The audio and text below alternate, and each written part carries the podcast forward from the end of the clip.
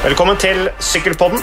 Den ukentlige Sykkelpodden kan vi nå skryte på oss at det er. Um, til, ja, jeg vil bare først og fremst Magnus, beklage igjen lyden da, på den forrige episoden vi hadde. Um, det var litt synd, egentlig, med brødrene Halland og Johannessen, for det kunne jo blitt en veldig bra podkast. Uh, men sånn er det. De nå, tok nå i hvert fall det sporty, og det blir en oppfølger av den for de som bare fikk med seg sånn cirka halve den podkasten. Ellers uh, har det skjedd noe i sykkelverdenen i dag eller Magnus, som er verdt å snakke om? I dag skriver vi eh, torsdag, eh, og da har vel det skjedd at Mark Cavendish har blitt forsøkt banka eller knivstukket i sin egen heim. Mm. Kom helt fra det, heldigvis. Og så har det skjedd det at Uno X har fått godkjent sin lisens på aller øverste nivå. Ergo skal sykle alle store rittene i 2022. Så det var jo en, um, en, gledens dag for alle som har et hjerte som banker innstendig for norsk uh, sykkelsport, da, må vi kunne si. Ja. Det er jo uh, norsk idrettshistorie som blir skrevet med det, Magnus. Det blir jo det første World Tour-laget. Eh, norske World Tour-laget. Så det er eh, Gratulerer UnoX med å ha, ha, fått til det. Det skal bli spennende å følge det videre. Så eh, det er veldig gøy. Vi skal forresten, eh, En stor del av den podkasten her blir et intervju med Susanne Andersen, og det passer da veldig bra i den sammenhengen der med at eh, den lisensen kom til Uno Exit da World Tour-lag fra 2022 som på en måte litt bestilt. Du nevnte Cavendish som så brutalt ble ranet i hjemmet sitt. Vært en tøff eh, tid for eh, noen tøffe uker for Cavendish også, i og med at han velte dette seksdagersrittet og pådro seg punktert lunge og greier. Men uh, trøsten er i hvert fall at han har seg han har signert ny kontrakt, da, og det var jo ikke akkurat noen stor overraskelse. Nei, den, nå mangler vi egentlig bare um Geraint Thomas sin signatur, så er liksom overgangsmarkedet finito, føler jeg. Uh, ja ja, nå kommer det kanskje noen ryttere på markedet når um, Kubeka ikke fikk godkjent sin World Tour-lisens. Uh, surprise, surprise.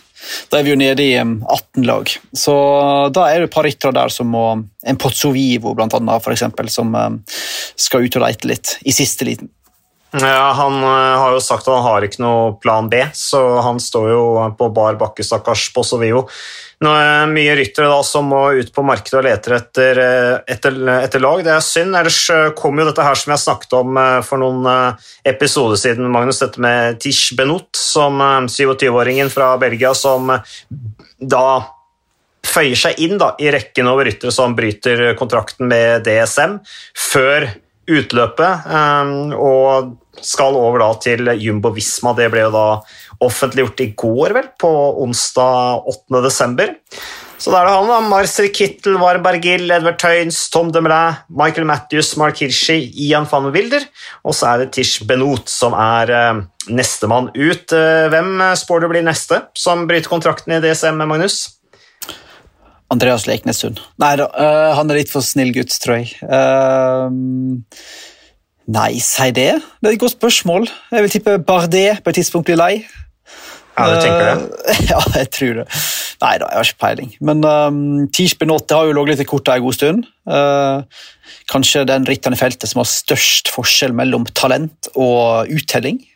Mm. Har vunnet to ritt, tre kanskje, totalt i karrieren sin. Fantastisk ja. sykkelritter, både klassikere og etapperitt og etappejakter, egentlig. Um, mm. Men, kan brukes i det meste, han eh, Benot. Han kan, ja, jeg husker han slo igjennom som førsteårs Burto-proff i Flandern rundt med topp fem-plassering som ung gutt og fremdeles student. Og, men du verden for en sykkelrytter. Blir en bra hjelperytter for Val van Ert, tenker jeg. Ja, jeg tror han kan bli bra i, og i Grand Tour for eh, Primoz Roglic faktisk. Mm. Så der har du potet, som um, er en god signering. Ja, og Jumbo Visma fortsetter å styrke laget, så det blir et uh, imponerende mannskap det i, uh, i, 2022. Du, Magnus, jeg tenker vi uh, tar det intervjuet med Susanne Andersen som var sporty og stilte opp. Dette er jo tatt for, eller spilt inn for et par uker siden etter NM i, i sykkelcross, og jeg vet jo sånne telefonintervjuer Magnus, de skal jo helst ikke, ikke være for lange. Så jeg så jo for meg at jeg skulle ha en sånn fem-ti minutter bare sånn kjapp prat av respekt for tiden til Susanne Andersen, først og fremst, men også litt uh, av respekt for lytterne. da. som å, å sitte og, og, og lytte på en sånn veldig lang podkast som det blir. Det trekker opp av Susanne Andersen. eh, Vi snakker med henne. Hun er en veldig spennende rytter. Fremtida foran seg. Hun er jo fremdeles veldig ung, eh, bare 23 år gammel. Han tenker liksom på Susanne Andersen som fremdeles en veteran. Eh, I og med at hun slo igjennom såpass tidlig som førsteårs senior med denne syvendeplassen i VM i Bergen. Så hun var helt fantastisk. Hun har definitivt et uforløst potensial, tenker jeg. Også med tanke på å gå først over streken. Det skal bli spennende å hva, se hva Susanne Andersen får til da i World Tour-laget til Unex. Vi kan høre på den praten jeg hadde med henne. Susanne Andersen, eh, takk for at du ville ta en prat med Sykkelpodden igjen. Er det, er det bra med deg etter en liten pause? Ja, det var Jeg kickstarta det nå i helga med CX-en. Vi hadde bare trent eh, en uke på forhånd, men det er veldig deilig å være i gang eh, med treningen og, og prøve å få, få tilbake litt eh, rutiner. Men eh, har jo flytta tilbake til Stavanger nå, sånn at eh, meg og Torstein har flytta inn i en ny leilighet her. Så vi har vært travle nok, i hvert fall i offseason. Jeg så at du ble nummer to i Du fikk jo sølvmedalje i NM sykkelcross. Du var plassen foran Stine Borgli. Dere fikk jo litt bank av eh, din eh, fremtidige lagvenninne Mie Bjørndal Ottestad, men hun har jo kjørt en del sykkelcross, har kjørt verdenscup og gjør det ganske bra faktisk også. Eh, Men hvordan var den opplevelsen, da? For det var vel ikke noe du hadde forberedt deg så veldig godt på, sånn som du sier også?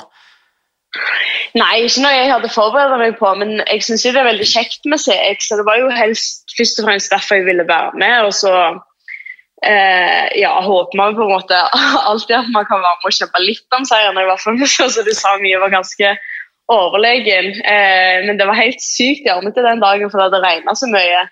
Så det var bare ordentlig ja, kjemping he hele det løpet. Og så var det litt kjekt at meg og Stine var hjemme, da, sånn at vi kunne ja, prøve å presse hverandre en del. Og så prøvde jeg liksom å se hvor jeg var litt sterkere enn Stine og sånn henne da, og så ja, prøve å bruke hodet litt òg. Men det var, det var veldig gøy.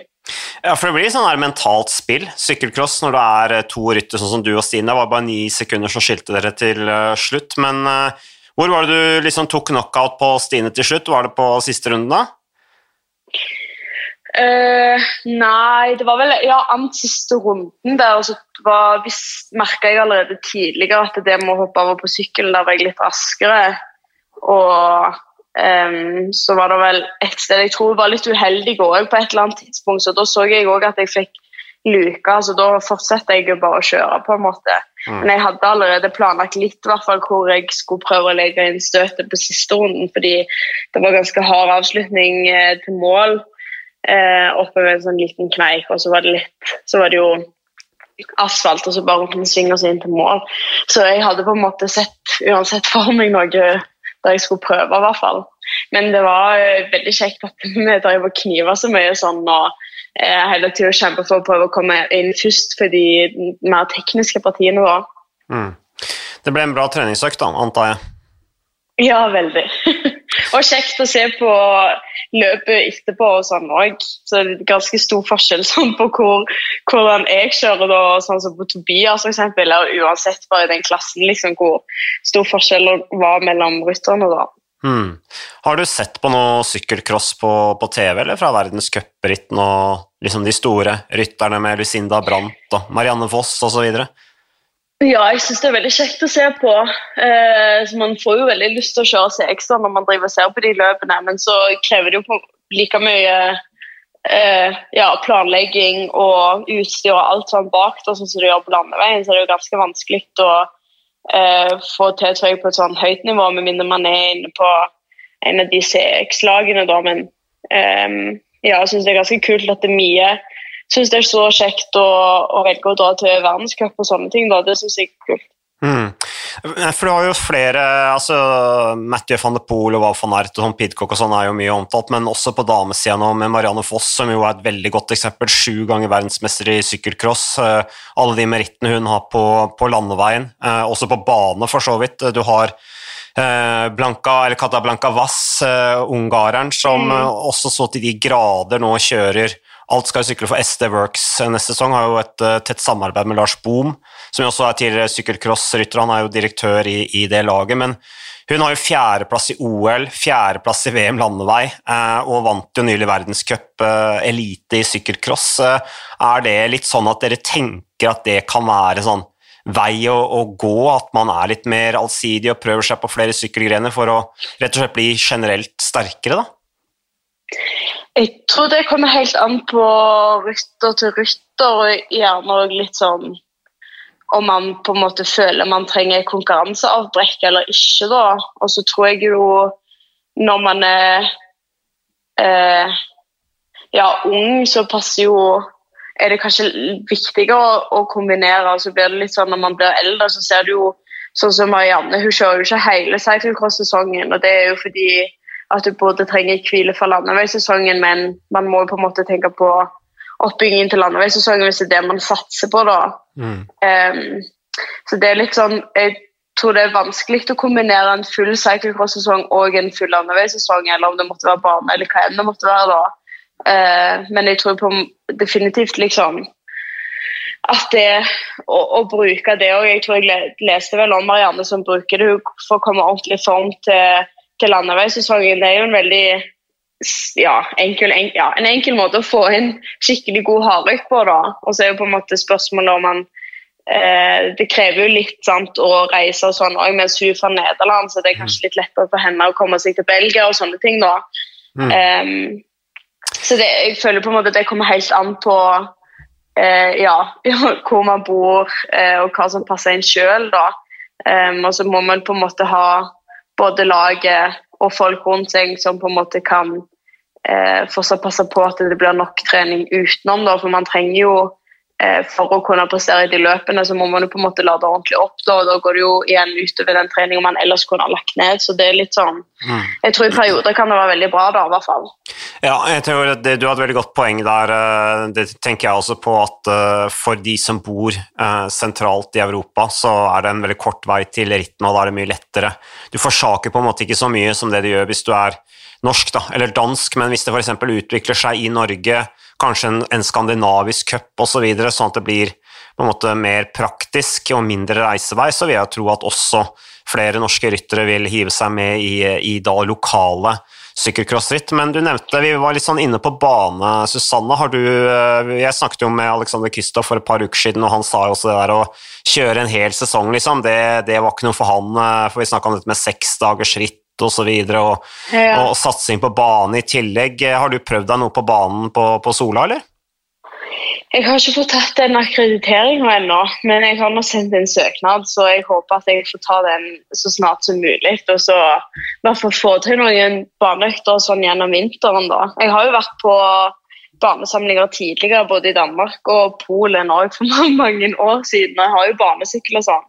Sånn jeg gleder meg til å få kommet, eh, kommet ut der. Jeg tror eh, pappaen min òg er veldig gira på å få meg, få meg, ut på banen, så jeg satser på å få inn noen eh, ja, økter. Kanskje de Nå har jo Stein starta de her løpene, jeg tror det er på tirsdager det går.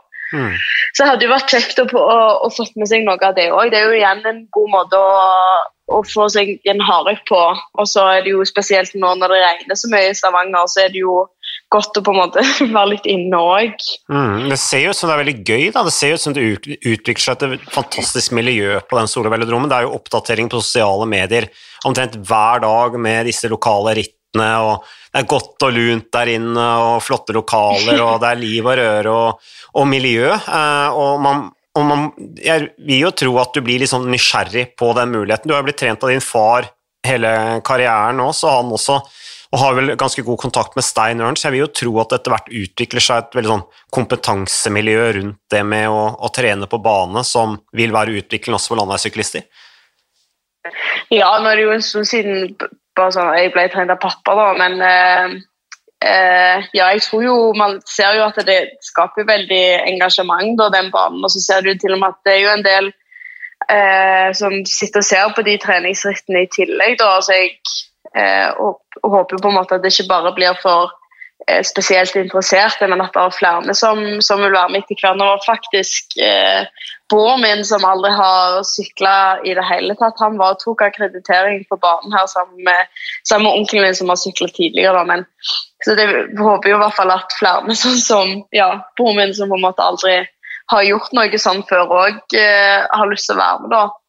Ja, Så han har liksom oppdaget uh, glede, for, glede av syklingen gjennom banen? Ja, vi får se. Han tok nå i hvert fall akkrediteringer, da. Så får vi se om han eh, ja, tar seg noen flere turer. og Jeg kan, skal prøve å pushe han litt på det. ja, Men eh, Susanne, apropos altså, Jeg nevnte jo at faren din har hjulpet deg mye. Du, du, du, sier og presiserer jo der at det er ikke han som har trent deg de siste årene. Du har jo vært i, i Team Sunweb og DSM, hvor det er, hvor det er egne opplegg, sannsynligvis. men uh, hva sitter du igjen med etter de eh, tre årene der for, eh, for det World Tour-laget? Um, jeg føler jo jeg sitter igjen med veldig mye erfaring. Um, det er jo et lag med mye kompetanse, og um, jeg har lært mye både av de rytterne som har vært der, samtidig som det jeg har vært, samt ja, sportsdirektører og uh, folk rundt. Så jeg føler at jeg har vokst veldig mye i løpet av de tre år og ja, føler på en måte jeg òg kjenner meg sjøl bedre som rytter og litt sånn hvilken retning og sånn jeg vil ta. Um, men òg bare lært veldig mye om, om sykkelritt og om trening og, og hele pakka, egentlig. Mm. Sånn at um, Ja, jeg føler på en måte jeg har uh, ja, gjort det litt Ikke lettere, men i hvert fall gjort meg klar nå for å på en måte ta en litt sånn annen rolle eh, som jeg kanskje ikke hadde vært like klar for å ta for, for tre år siden. Du er jo bare 23 år eh, gammel, Susanne, så du har jo liksom så til de grader fremtida foran deg, men jeg føler du nå at du er blitt voksen, og at du nå skal over til eh, Uno X, og blir en, eh, at nå er du på en måte forberedt til å ta en kapteinsrolle? Jeg føler meg ganske voksen, i hvert fall når, hvert fall når man eh, begynner å se på årstall på de som kommer inn som førsteårselite. og sånn. Det er alltid så rart. Det er sånn som du snakker om hun eh, Blanca Vass, f.eks. Hun er kjempeung og så kjører hun så bra. og så, mm. ja, Man blir alltid litt sånn åh, føler at årene flyr ifra en, på en måte. Eh, men ja, jeg føler meg ganske klar for det. Og så tror jeg det er eh, ja, trygge omgivelser på en måte å steppe inn i den rollen. da. Eh, med folk rundt meg som um, har, har troa på meg og sånn, da. Uh, og samtidig ja, et veldig kjekt lag.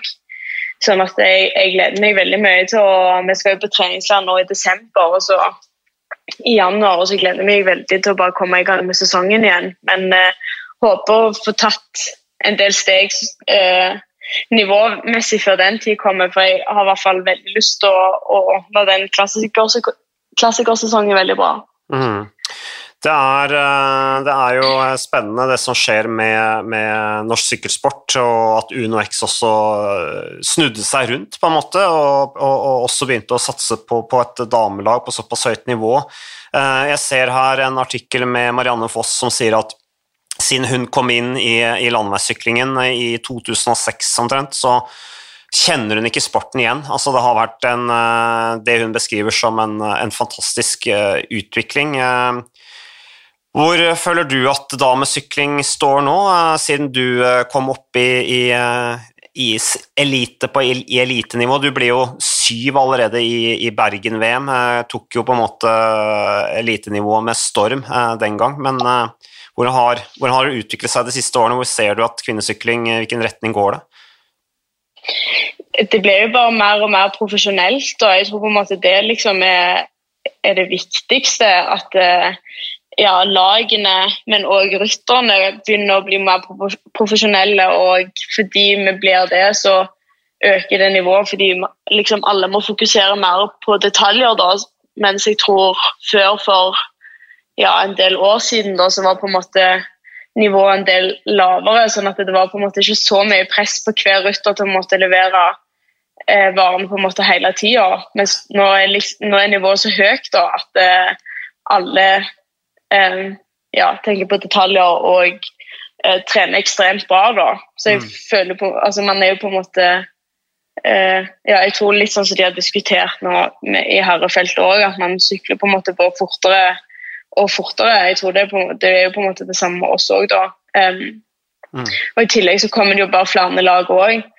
Uh, så jeg håper jo på en måte at det òg kommer til å bringe altså Man har jo gjerne hatt veldig sånn spissa topper tidligere, at det har vært et fåtall med ryttere som har prestert veldig bra, men jeg håper på en måte at nå når det kommer flere lag, at det, det kommer til å ja, vokse enda mer og på en måte bakfra, da, sånn at den eh, spissen i toppen kan bli eh, enda større. da, eh, Sånn at det er flere som, som hele tiden kan være med og kjempe om seieren. Eh, Marianne Voss i den artikkelen jeg refererer til, hun eh, trekker fram neste års Tour de France som veldig viktig da, eh, for, for damesykling. Hva er ditt store mål for den kommende sesongen? Det er jo først og fremst klassikerne. Jeg har på en måte ikke satt meg ett løp der jeg tenker det er på en måte ja, det løpet det handler om. Um, så jeg kommer på en måte til å se ja, klassikersesongen litt under ett, og så velger man jo på en måte ut uh, Ja, jeg må uansett snakke med ja, både UnoX og trenere litt sånn, hvilken ritt som på en måte skal være hovedmål og sånn, da.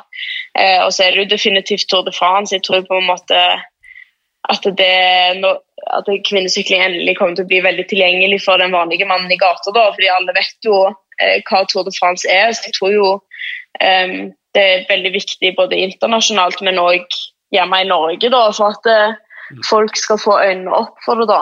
Mm.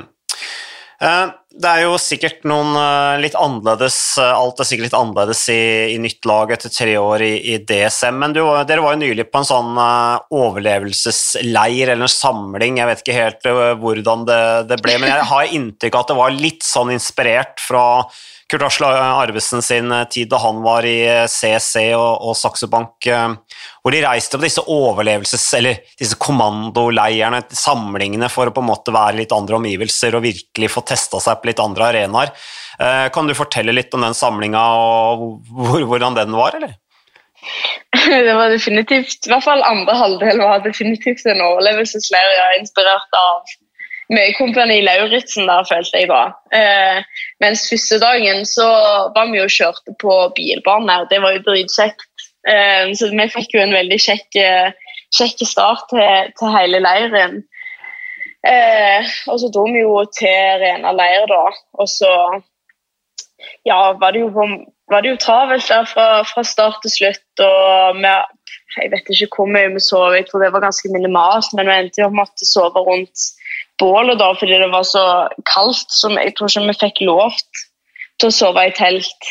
Um, men ja, jeg tror kanskje vi sov en og en halv time eller et eller annet, så det var jo ikke det at vi fikk så mye hvile. Og så var det jo eh, ja, mye gåing og mye bæring og ja, mye øvelser både fysisk og mentalt, på en måte. Så jeg følte det var en veldig rask måte å bli kjent med folk på. Det, for jeg har ikke så mye tid til å på en måte ja, tenke deg om hva du sier, eller på en måte ja, eh, ta det rolig inn i det. da på en måte sånn at Man eh, må jo bare starte samarbeid og sånn med de, den gruppa man er på fra starten av. og følte jo, ja, følte jo det var en veldig Jeg tror de fleste i hvert fall ble utfordra eh, ja, på den ene på den ene måten eller en annen.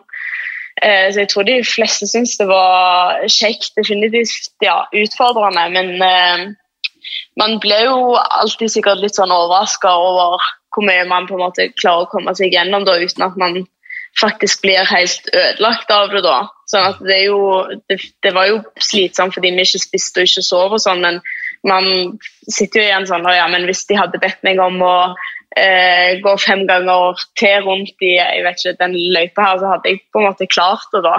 Men du holdt så, humøret? Du ble ikke grinete og sur? Nei, jeg tror jeg, Ja, nei, jeg, jeg ble ikke det. var det nytt, var det annerledes? Er det noe som du tenker at uh, burde gjøres flere steder? Eh, det er jo alltid faren for at man blir skada, sånn, og det er det eneste. Um, så jeg merka i hvert fall med meg sjøl at jeg var jo litt ekstra forsiktig av den grunn, da, sånn, i hinderløypene og sånn, når det var mye hopping og høye hindre og sånn. Mm. Da blir jeg liksom, tenker jeg allerede på, på syklinga, men eh, det tvang oss jo veldig til å samarbeide da, og, og, bli ordentlig kjent på en måte på både godt og vondt. Så jeg tror jo eh, det er veldig god teambuilding da. Mm. Tusen takk eh, for praten, eh, Susanne. Ja, det var Susanne Andersen, um, som uh, jo snakket litt om sykkelcross-NM, blant annet. Uh, Torstein Træn, disse to som har syklet dette paret som nå hiver seg ut i søla med knastedekk. Um, dette med velodromen på Sola osv. Mye som skjer, mye de kan se fram til dagens unge generasjon sykkelryttere. Men apropos uh, Sola-velodromen, Magnus. 18.12. Da blir det satt Uansett så blir det satt en ny offisiell norsk timesrekord. For da skal Sondre Peder Christensen, som representerer Tønsberg sykkelklubb, han skal da sette norsk timesrekord. Det forsøket starter 13.30, står det på, på um, Facebook-siden til, til, Stein Ørn, er det vel som legger ut dette her? Eller nei, det er på Velodromen, Solo, Solo Velodromen sin Facebook-side, og varer da selvfølgelig en, en time som det står her. Eh, så det blir spennende å se hvor langt eh, Sondre kan komme på en time. Hva vet vi egentlig om Sondre Peder Christensen? Jeg tenker vi vet at han er en ganske sånn smart type. da. Ganske lurt å være førstemann ut og sette rekord. Det mm, skulle jeg gjort tenkt på faktisk. Ja, han kupper litt, da. det kunne vært deg, det, Magnus. Det kunne vært oss. Får du navnet ditt i historiebøkene, altså. Uh, men ja, Tønsberg-rytter. Litt sånn um, så er litt ubeskrevet blad for uh, de fleste, tror jeg. Uh, mm. Meg sjøl inkludert. Um, men kult at folk, hvis du kan få litt temperatur og litt sånn um, litt eh, drive rundt denne timesrekordgreia igjen, da. Det bør mm. være et par i Norge som har potensial der, men det krever jo ganske masse dedikasjon og tid og spesifikk trening og spesifikt utstyr og, mm. og greier. da. Men um, Ja, den kan stå en stund, den der. Hadde vært kult hvis jeg sendte den plassen. Ja, vi må jo bare følge med. Um, når det gjelder Sondre Peder Christensen, jeg nevnte at han er fra Tønsberg, eller representerer Tønsberg sykkelklubb. Han er 20 år gammel bare. Jeg ser litt på resultatene hans. Han, uh, han har ikke noen sånn utpreget resultater som jeg tenker at det kommer til å bli sånn super, supertid, men det er en rytter utvikling. Han kommer helt sikkert også til å ha bra utvikling av å, å kjøre bane. Han ble nummer uh, 64 i NM tempo. Uh, i år. Så eh, det burde jo være noen som har potensial til å slå den tiden, da, når de eventuelt eh, skal prøve å utfordre han. Jeg eh, pitcher allerede inn Reidar Borgersen. Du tror Reidar Borgersen ja, ja, ja. Til og med på sine eldre dager så tror jeg han har maskiner som skal til for å hevde seg. Ikke minst aerodynamikken. Han er jo veldig kattemyk og smidig, og han er jo vant til å ligge godt nede som skøyteløper. ikke sant? Så, så det, det, er et godt tips, Magnus. Absolutt. Altså, absolutt. Så, ellers er det av uh, nyheter, så uh, Vi har jo nevnt uh, Tish. Uh, Varen Bargils han vil kjøre giroen neste år.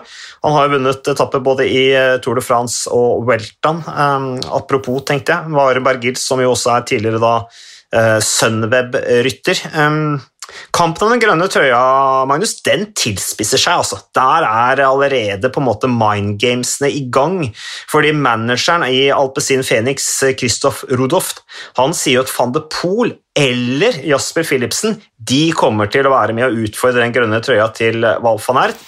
Og han følger opp med å si at Matthew van de Poel er den perfekte rytteren for grønn trøye, men allerede der, i det sitatet fra han Rudoft, Eh, som jo har dette sykkellaget Alpezin Phoenix sammen med flere andre lag også. Eh, eh, han sier jo Det han sier her, er jo at Matthew van der Poel eller Jasper Philipsen Allerede der så er det et eller annet som skurrer for meg. Det begynner litt sånn å minne meg litt om hvordan de holdt på i Tour de France, hvor de egentlig ikke helt visste hvem de skulle trekke opp spurtene for. Hvem tenker du er den mest selvsagte utfordreren der? Ja, men jeg tenker det funker ganske bra i sommer, da, når de bytta litt på. To av dem vant etapper. da. Han andre, ene var tre, topp tre tre ganger. var det? Eller noe? Mm. Nei, jeg tenker jo at van de er som skapt for den grønne trøya, sammen med van Art. Mm. Så um, jeg har veldig sans for Philipsen, da. Uh, men jeg er jo ikke like god i det der uh, kuperte terrenget som de to andre. Så Nei, jeg merker at jeg eh, ikke egentlig bryr meg så masse så lenge det ikke blir sånn Peter Sagan som vinner igjen. Jeg er litt forbi den Peter Sagan grønntrøye. Jeg liker at vi har litt variasjon der. Så um, jeg holder kanskje en knapp på at uh, van Art tar den, men uh, det spørs jo litt på hvordan det der um, Primoz Roglic um, fokuserte laget til Jumbo fordeler ressursene. Da. Det er ikke enkelt å ha grønn trøye på, på egen hånd. Det er det ikke. Nei, vi snakket jo litt om det sammen med Halland Johannessen også. Dette her med Val van Ert og mulig grønn trøye og kabalen som skal gå opp i Jumbo Visma i forhold til det, men du verden hvilken duell det kan bli, da. Hvis det blir en duell mellom Matthew van der Poel og Val van Ert om den grønne trøya. Det ville jo vært den, det ultimate duellen, tenker jeg. Det hadde vært dødskult. Så la oss håpe folk kommer seg gjennom den der, um, litt sånn skumle første veka med sidevind og brostein og greier der, og ikke altfor mange ryker på, på krasj. For ellers kan det bli en dødskult Tour de France. Det tror jeg. Ja, men hvis det er noen som kommer seg gjennom akkurat den type utfordringer, så er det vel Val van Ert og Mathieu van der Poel. Burde absolutt være sånn. Det har du helt rett i. La oss krysse fingrene. Men uh, apropos Mette van der Poel, han eh, skal også nå satse, han kommer til å satse VM i grussykling, som uh, blir en ny uh, sykkelkonkurranse. Vi har jo allerede VM i e-sykling, f.eks., som jo Thomas Pidcock har vunnet. Og Thomas Pidcock sier jo at han i 2022 ønsker å vinne VM i tre disipliner, altså landevei, sykkelcross og terreng, eller for å ta det i riktig rekkefølge, sykkelcross, landevei, nei, sykkelcross, mountainbike og landevei. Eh, Med forbehold da om at landeveisløypa eh, som eh, skal, skal egentlig arrangeres i Wollongong i Australia, at den passer han, da. Men den løypa er jo ennå ikke offentliggjort, og spørsmålet er om det i det hele tatt blir noe sykkel-VM i Australia med, med pandemisituasjonen, og om den roer seg. Hva, kan du se litt inn i spåkula der, Magnus, hva tenker du om fremtidige smittetall i Australia? Har du noen sterke meninger om det? Snakka faktisk med noen i eh, skal vi si, sykkelmiljøet om det der i, for, i går. Mm. Jeg, jeg tror ikke det er så eh, klinkende klart at det blir VM der som folk kanskje tenker. Uh, UCI har jo ikke kommet med noe sånt der uh, Vi har en plan B hvis ting skulle gå i dass, men um, uh, jeg, vil til, jeg vil tro eh, at de i sin visdom har en plan B, om det er en eller annen Imola-bane igjen, eller et eller annet greier i Sveits, kanskje. Eller. Ja, det er jo kanskje mulig. Um, For den der eh, Australia er det ekstremt strenge. Um, Og ja, nei, jeg skal ikke, jeg skal ikke mene så masse om det, for jeg vet ikke hva som om det, men det er i hvert fall en følelse hos enkelte at dette her ikke er like hugd i stein som en kanskje får inntrykk av da, når en leser alle mulige pressemeldinger om hvor fint det blir i Australia i september. Ja, nei, vi får se på det. vi får se på det. Ellers uh, sier jo Thomas Pidcock at uh, det sannsynligvis ikke blir noe Pariro B på han, da, i og med at det er byttet eh, dato med, med Amstel Gold Race pga. dette valget som skal foregå i, eh, i Frankrike, som gjør at de må bytte på den datoen. Eh, ellers eh, litt sånn for å avrunde og litt, snakke litt politikk, Magnus. Eh, The Køynink som jo har sponset The König Quickstep. De går inn og sponser Alpezin Phoenix i stedet. Um, Syns at det er et mye mer spennende, en mye mer spennende satsing, og legger litt trykk på at der er det også et, eh, en satsing på et damelag. Med litt sånn spark til eh, Patrick Lefebvre. Jeg tenker jo at det kanskje er litt sånn tendens i tiden at stadig flere av disse World Tour-lagene kommer til å opprette damelag med alle de flotte ringvirkninger det kan skape for, eh, for internasjonal damesykling. Men det er vel ikke noe overraskelse i den tiden vi er inne i. Nei, og nå har vel nesten alle OL-to-laget et uh, damelag. Det er så politisk ukorrekt å ikke ha det, at det må jo snart på plass. Um, litt frustrasjon med at det König da går til Alpezin. Alpezin som da tidligere sponsa Katusha, og så kommer da Lotto fra Lotto Sodal over til The König, eller da Quickstep Alfa Vinyl i 2023. Mm. Jeg, og vi hadde jo nære fram og tilbake med Dorm, nei, Domo Fritt og eh, Lotto og bla. Det har vært så masse fram og tilbake. Ja. Så jeg, jeg, jeg, tenner et lys for alle som ikke kan dedikere eh, 100 av sitt liv til å følge med på sykkelsporten. Det må være klin umulig etter hvert å skjønne hvem som er hvem. Ja, men Det er jo litt det som gjør det litt deilig, å tenke, jeg, Magnus, at det er litt sånn kaotisk. Så må vi liksom nøste litt opp i hva er det som egentlig skjer. Det er ikke derfor vi har denne podkasten. Jo, jeg vet om ganske mange som syns det er forbanna irriterende òg, men det er fint. Ja, at en alltid må sette seg inn i nye lag og, og nye Altså- drakter. Men uh, Er det ikke noe litt fascinerende med det litt uoversiktlige? Det litt uforutsigbare? Disse rokeringene? Spennende, syns jeg. jeg er ikke like er hipster, hipster som deg, så jeg liker ting er A4 og tydelig og klart. Ja, ja. Nei, men Du må noen gang komme deg litt ut av disse faste rammene dine, Magnus. Jeg tror du kan ha godt av det. jeg. Det vier ut perspektivene litt, så det, du skal ikke bekymre deg for at det er noe sånn veldig stort problem for folk flest, tenker jeg. Så, men sånn er sykkelsporten, eh, og derfor så må vi jo hele tiden undres over hva som egentlig skjer, og prøve å analysere det etter beste evne.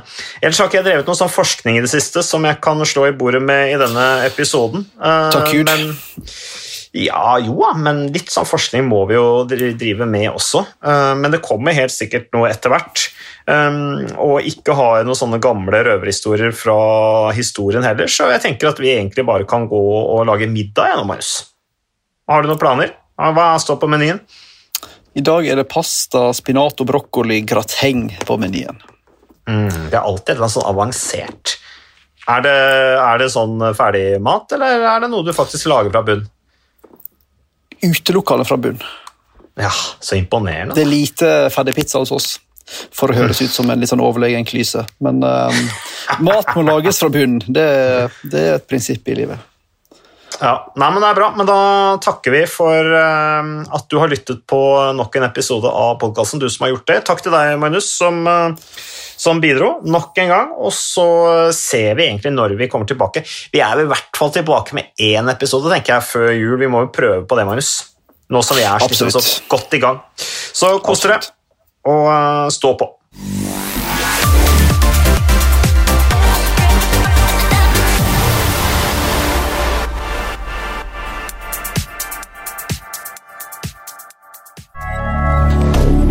Moderne media.